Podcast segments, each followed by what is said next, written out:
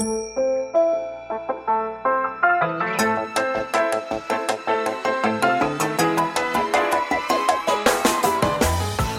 lieve luisteraars, welkom bij de Stories of Inspiration podcast van What's Your Story.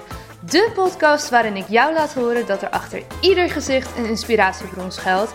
En waarin ik jou heel veel tips ga geven over hoe jij meer naar buiten kunt treden met jouw authentieke verhaal. Heel veel plezier met luisteren en na afloop ben ik onwijs benieuwd wat je ervan vond. Stuur me een berichtje via Instagram als je wil reageren, als je vragen hebt of als je jouw verhaal ook zou willen delen. Veel plezier met luisteren!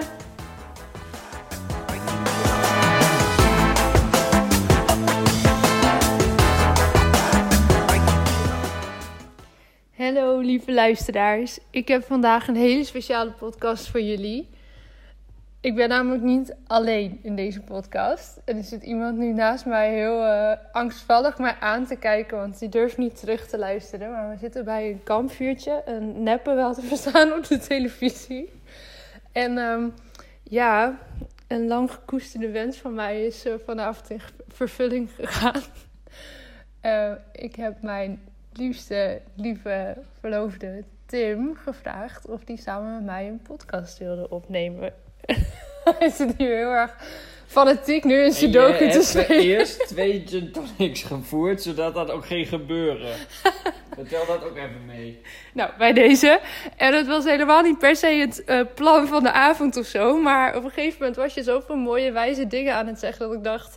Dit moeten we opnemen. Maar dat is een beetje mijn gebrek. Ik kan tegenwoordig alleen nog maar in podcast denken zo ongeveer. Omdat ik er vijf per week online zet.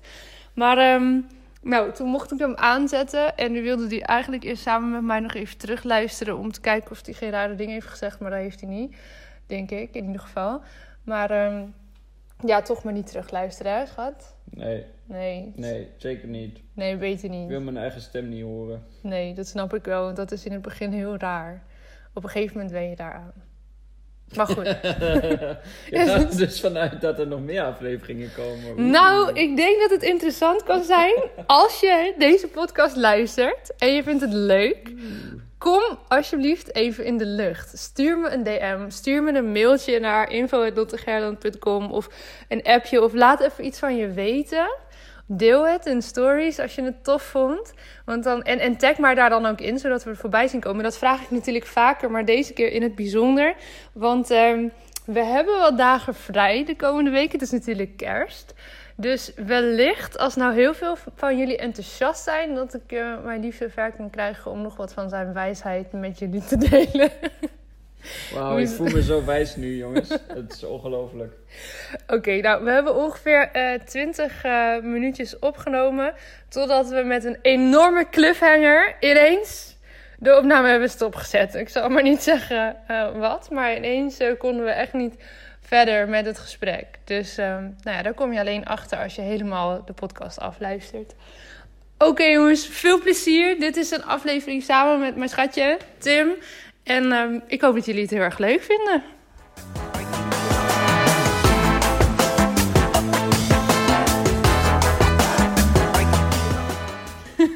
Wat zei je zo net? Vraag me maar, ik geef antwoord. Oké. Okay. Wat zou je graag willen vertellen? Waarover? Wat voor thema? Oeh, wat voor thema? Ja. Nou, we hadden het net over levenskeuzes. Ja. Je hebt best wel een grote keuze gemaakt. Dat is zeker waar. Dat is zeker waar. Tenminste, zouden veel mensen dat zeggen. Wat ga je doen? Spannend. Nou, ik uh, stop met mijn baan uh, op de traumachirurgie. En ga beginnen op de orthopedie volgend jaar. Dus over een maandje. Ja. Volgend jaar klinkt dat dus weer dramatisch, hè? Zo'n ja. december is. Ja, precies. En uh, nou, dat, terwijl dat wel tot mijn opleiding behoort, uh, ja, is dat wel toch wel een grote stap om je baan op te zeggen. Ja. Vind ik zo zelf. Iets spannend? Jazeker. Het was ook een groter ding dan ik had verwacht. Zelf. Heeft toch wel veel met me aan? gedaan. Nou ja, dat. eh, als je baan opzegt, is dat wel een beetje alsof je het uitmaakt met al je collega's. Oh ja. Dus dat is wel ja, niet zo'n fijne, niet zo'n fijne stap. Dus eh, dat vond ik heel moeilijk. En nou ja, dat vind ik nog steeds heel moeilijk. Je hoort er ook niet echt meer bij voor je eigen gevoel. Nou ja, de rest voelt dat vast niet zo, maar voor jezelf, je bent met andere vraagstukken bezig. Dus je hoort ineens niet meer, eh, niet meer zo bij de groep als eerder. Dus dat vond ik heel moeilijk. Maar ja, je komt wel bij een nieuwe groep. Ja, dat is wel spannend. Dat is juist wel spannend. En ook echt heel ander werk, toch? ja. Nou ja, dat zullen we zien. Ja. Het is ook wel spannend dat je dat eigenlijk gewoon helemaal nog niet zo echt weet wat je dan daar gaat doen. Nou ja, ik weet het wel in grote lijnen. Ja. Maar ik ben meer benieuwd daarna wat dat met me doet. Niet zozeer. Nou ja, eigenlijk in feite, ik heb één dag heb ik ook meegelopen, dus in feite weet ik wat ze doen dagelijks.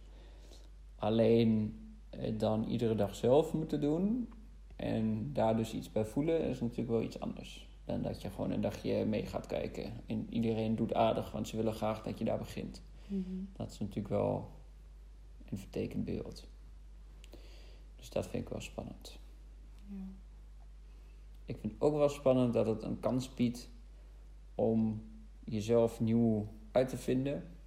Om je nieuw neer te zetten. Ja, dat is wel nice. hè. Je begint echt met een soort van schone lei. Niemand kent je nog echt. Ja, nou ja. Ik heb wel de afgelopen jaren ook een professionele ontwikkeling doorgemaakt. Durf te stellen een positieve. en eh, nou ja, dat zal wel voor de mensen die die ontwikkeling mee hebben gemaakt anders voelen dan voor mensen die me nog helemaal niet kennen.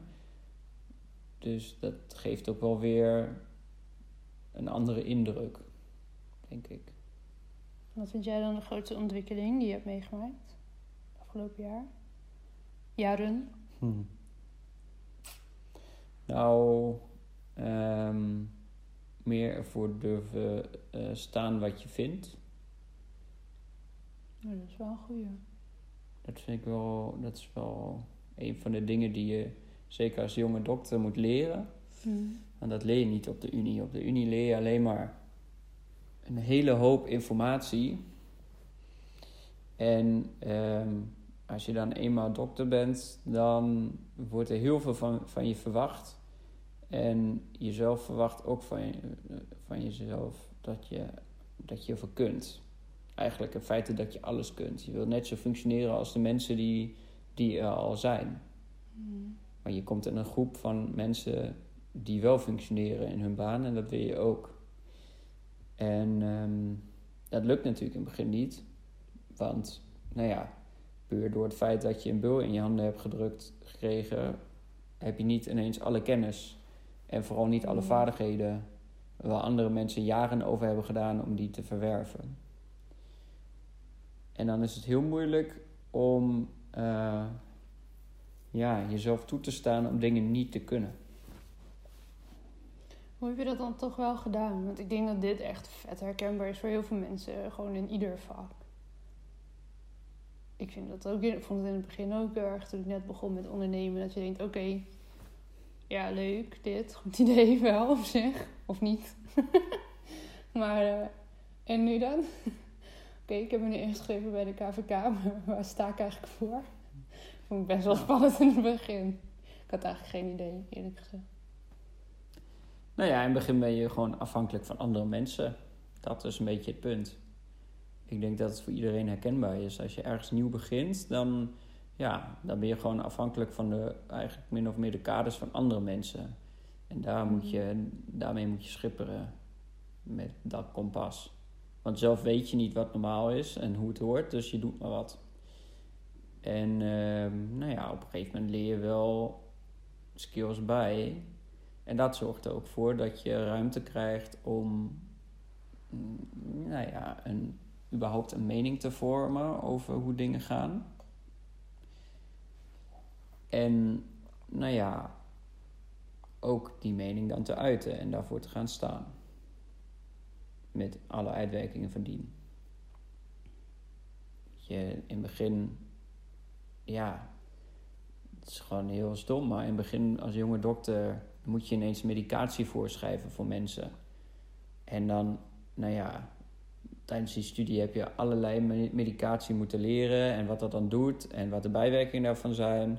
En je is een bepaald systeem Ehm, ja, eigenlijk aangeleerd hoe je dat hoort te doen. Maar in de praktijk is het ineens zo dat je daar helemaal geen tijd voor hebt om dat fatsoenlijk uit te zoeken. En op een veilige manier te doen. Dus dan moet je het eigenlijk allemaal weten. Nee, en in feite doe je maar wat. Want uh, je, ja, je hebt helemaal niet de tijd om tot in de puntjes uit te zoeken waar je mee bezig bent. Want dan rek je gewoon al het werk niet. Dus... Maar dat lijkt me een heel oncomfortabel gevoel, toch? ja, dat is heel eng. En dat is eigenlijk ook niet goed. Maar je vraagt gewoon aan je collega's wat je, wat je moet doen. En die vertellen je wat je moet doen.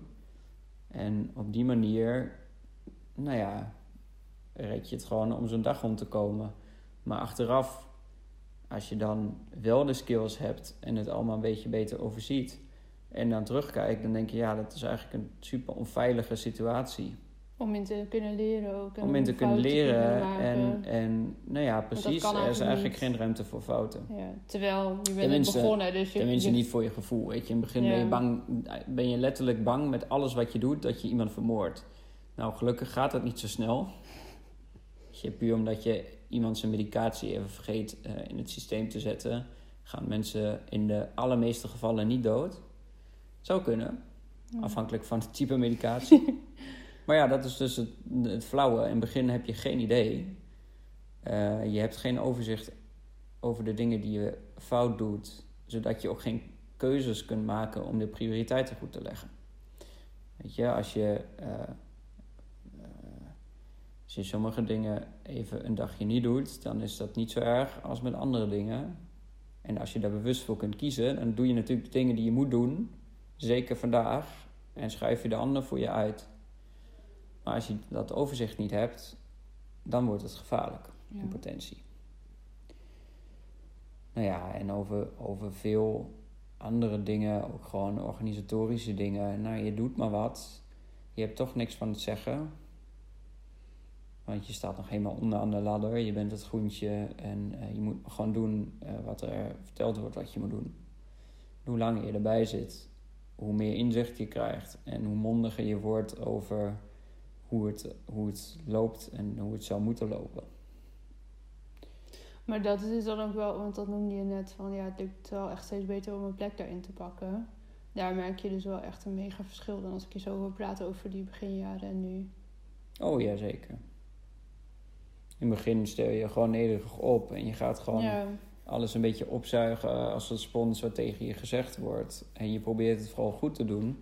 En op een gegeven moment vind je je eigen weg in hoe dingen moeten lopen. En kom je erachter dat je gewoon een andere mening hebt dan andere mensen. En hoe gelijkwaardiger je wordt voor je eigen gevoel ehm, in, in kwaliteiten van wat je kunt, hoe eerder je geneigd bent om dan ook een keer te zeggen van nou weet je, ik doe het gewoon op mijn manier. Want ik vind dat het zus en zo moet gaan. Ja. Dus je gaat dan ook meer nou ja, conflict zoeken klinkt zo agressief, maar in principe ga je meer een confrontatie aan van nee, ik ben het hier niet mee eens, ik doe het op mijn manier. En uh, nou ja, dat is een best wel grote stap.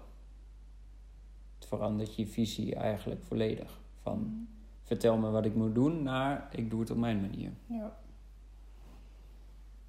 Nou ja, daar heb je gewoon een aantal jaren voor nodig. Ja, dat snap ik wel.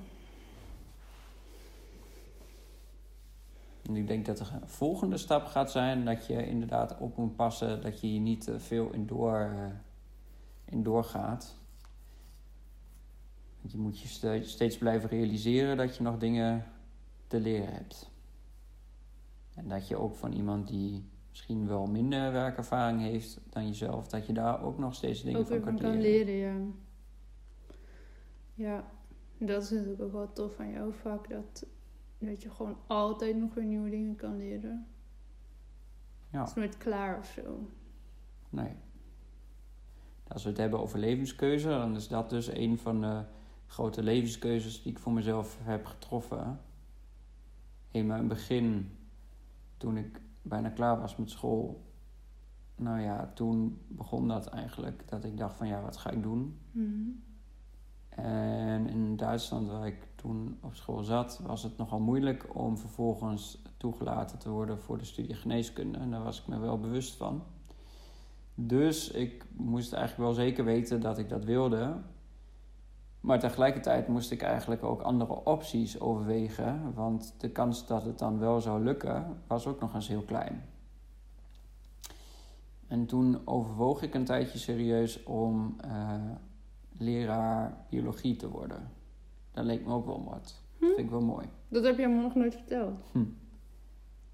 Nee, ja, dat uh, heb ik waarschijnlijk nooit verteld. Want op een gegeven moment werd ik me daarvan bewust dat dat geen vak is voor mij, omdat er zoveel herhaling in zit.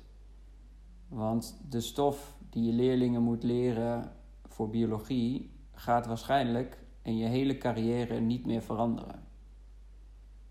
En eigenlijk, zo zie ik het in ieder geval voor me, is het elk jaar een beetje hetzelfde.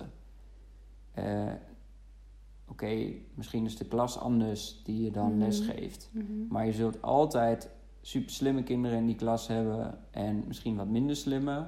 En uh, nou, super volgzame en misschien de, de, de chaoten, de eigenwijze pubers. dus die types van, van personen die zullen, zullen waarschijnlijk gewoon een beetje hetzelfde blijven. En dat is dan misschien de uitdaging, wel, wel maar de stof, de stof blijft gewoon wel hetzelfde. Elk jaar. Ja, ja, dat is wel waar. Daar zit gewoon geen verandering en weinig rek in. En nou ja, voor mij voelt dat dan een beetje als stilstaan. Ja. Maar je hebt wel eerst nog iets anders gedaan, toch, voordat je geneeskunde ging studeren uiteindelijk? Nou ja, uiteindelijk bleek dus dat ik, uh, dat ik niet werd toegelaten. En toen moest ik toch wat andere keuzes maken. Toen wist ik inderdaad even niet wat ik moest doen. Eigenlijk was dat dan net de periode dat ik erachter was gekomen dat ik dan dus niet leraar biologie wilde worden. Mm. En uh, ja. Gaat, een, gaat jouw telefoon praten in het Duits? Ja, die heeft er iets opgezocht. Duitse Siri. En uh, toen ben ik gewoon een beetje gaan kijken wat überhaupt nog mogelijk was. Want de inschrijfprocedure voor veel vakken was al gaande, dus uh, dat kon niet meer. En ja, toen heb ik denk ik gewoon een beetje gekeken het advies van mijn moeder, die per se wou dat ik dan alsnog iets ging studeren. Want eigenlijk, nou ja, ik zat een beetje met tegenzin te kijken. Want ik dacht, als ik geen geneeskunde kan doen, ja, dan wil ik misschien wel helemaal niks. Beetje koppig ben ik dan ook wel. maar moeder zei dat dat geen optie was. Ik moest en zou gaan studeren. Want ze wou het niet aanzien dat ik dan uh, zielig een jaar thuis ging blijven. Je had ook een jaar gewoon heel iets anders kunnen gaan doen. De wereld overreizen of zo. Ja, dat had gekund. Alleen ik had niet echt veel gespaard. En... Um, Oké, okay. klein detail. Uh, ja, dan had ik dat allemaal van mijn ouders moeten lenen. Dat, ja, dat is ook wel ja. zo wat. Plus, die ambitie had ik helemaal niet. Ik was nooit zo van het reizen. En dat, ja, dat, dat is niet eens helemaal opgekomen om dat te gaan doen. Nee, ik was denk ik eerder gewoon een baantje gaan zoeken dan. Mm -hmm. Maar goed, mijn moeder zei dat ze in ieder geval niet wou dat ik dan thuis bleef hangen. En maar zielig ging doen, want er was ook nog een betrekkelijke kans dat het dan het volgende jaar weer niet zou lukken. Dus zij wou graag dat er een plan kwam nou ja, toen ging ik gewoon kijken wat er nog wel voor studies waren waar je gewoon aan kon schrijven. En uh, nou, toen ging ik in uh, Duisburg nano-engineering studeren. Want dat vond ik heel interessant. was toen net een nieuw vak. En uh, nou ja, de dingen die ik daarover kon vinden waren wel echt super boeiend. Maar viel een beetje tegen, of niet? Ja, nou, een beetje is een, Understatement. is een understatement. Het was helaas eh, zo dat datgene wat ik zo interessant vond, was ongeveer één vak.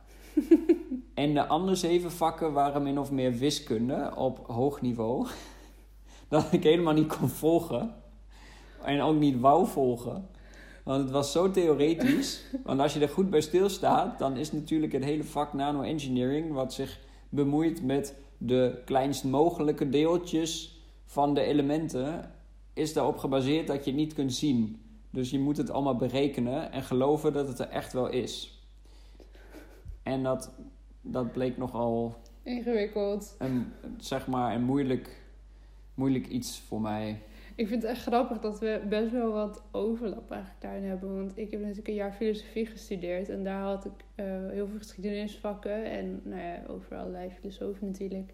Maar ook een vak logica. En dat was voor mij een soort van hogere wiskunde. Waar Hm. gewoon het kwartje elke keer maar niet viel. Hm. En elke keer zag je dan bij de een naar de andere student het kwartje vallen. Zo van, oh, oh, maar zo werkt het trucje. En dan, dan, als je hem eenmaal had, dan was alles daarna, nou ja, letterlijk logisch eigenlijk. Dan moest je Hmm. natuurlijk nog wel de som maken, maar dan, nou ja. En het kwartje viel maar niet. En dat was zo frustrerend, want je weet gewoon in het tweede en het derde jaar en gewoon forever daarna heb je het nodig. En als, als dat verdomme kwartje dan niet valt Ja. ja. dan houdt het wel op of zo. Het hield ook letterlijk op, want ik heb na een jaar mocht ik gewoon niet verder. ik had gewoon te weinig Ja. punten. Ja. Maar ja, het gaf ook wel weer op. een optie om weer ja, een nieuwe keuze te maken eigenlijk. Of zoals jij, om toch de keuze te maken voor datgene wat je aanvankelijk al wilde. Nou ja, uiteindelijk betaalde dat heel goed uit. Want eh, ik eh, heb toen wel de vakken scheikunde en natuurkunde wel gewoon gehaald. Dat waren vakken die ik prima vond. En die waren, dat was best wel leuk ook. Leuke Mhm. professoren. Ehm, en eh, nou ja, wiskunde en die vijf andere vakken die een beetje die kant op gingen. Stofkunde heette het andere. En nou ja, allemaal dat soort dingen. Stofkunde. Ja, Als je dan niet weet bij wat voor studie het hoort, kan dat ook van alles zijn. echt, ja, het was wel echt een beetje. eh, Nou, ging te ver. Ja. Dus, nou ja, die twee vakken heb ik in ieder geval wel gehad. En eh, dat betaalde uiteindelijk uit. Want tijdens dat halve jaar eh, dat ik daar zat, heb ik dus verder gekeken naar hoe ik dan wel geneeskunde zou kunnen doen. En zo ben ik dan uiteindelijk in Nederland beland. Yay! Omdat ik erachter kwam dat dat daar wel kon. Alleen je moest wel eh, een eh, eh, bepaald profiel hebben op school. Mhm. Wat ehm, nou ja, in de meeste delen van Duitsland helemaal niet mogelijk is. Ehm, want ik, ik moest door het systeem natuurkunde laten vallen op school. En dat had ik dus niet tot het, aan het einde. En daardoor zou ik eigenlijk een toets moeten gaan doen in Nederland om dat dan weer in te halen. Maar wel eh, natuurlijk lekker in het Nederlands. Want je moet mensen niet te veel kansen bieden in het leven. Straks komen ze echt. Ja. En pikken ze een studentenplek voor een Nederlander. Dus eh maakt me lekker Ik vind het moeilijk. echt bizar als je nu bedenkt dat jij... Hoe, hoeveel jaar is dit dan nu geleden ongeveer? Nu vier, je, dus ongeveer Nou, tien tien jaar, jaar geleden, geleden. of zo. Dat je toen eigenlijk gewoon nog nauwelijks Nederlands kon. Oké, een beetje vakantie Nederlands.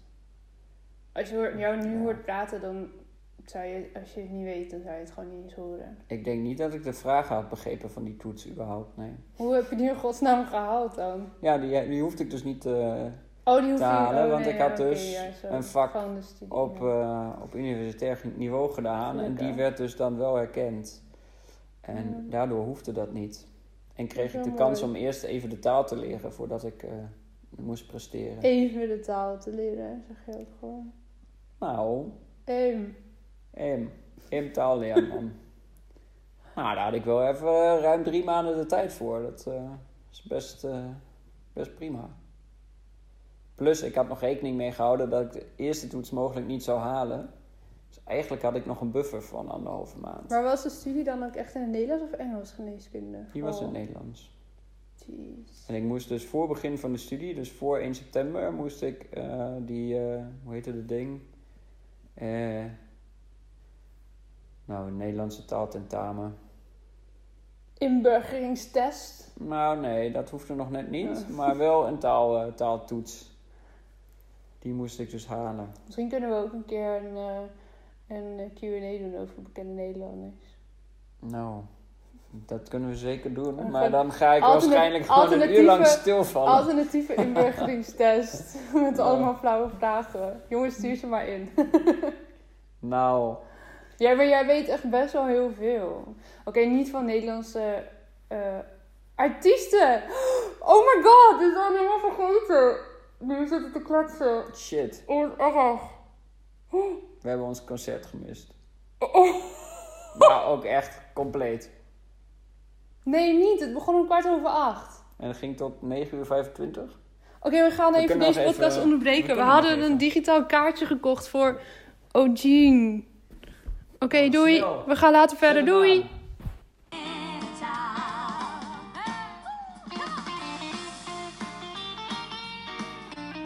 Oké, wij gaan nog eventjes een eh, klein uurtje hiervan genieten. Later. Doei.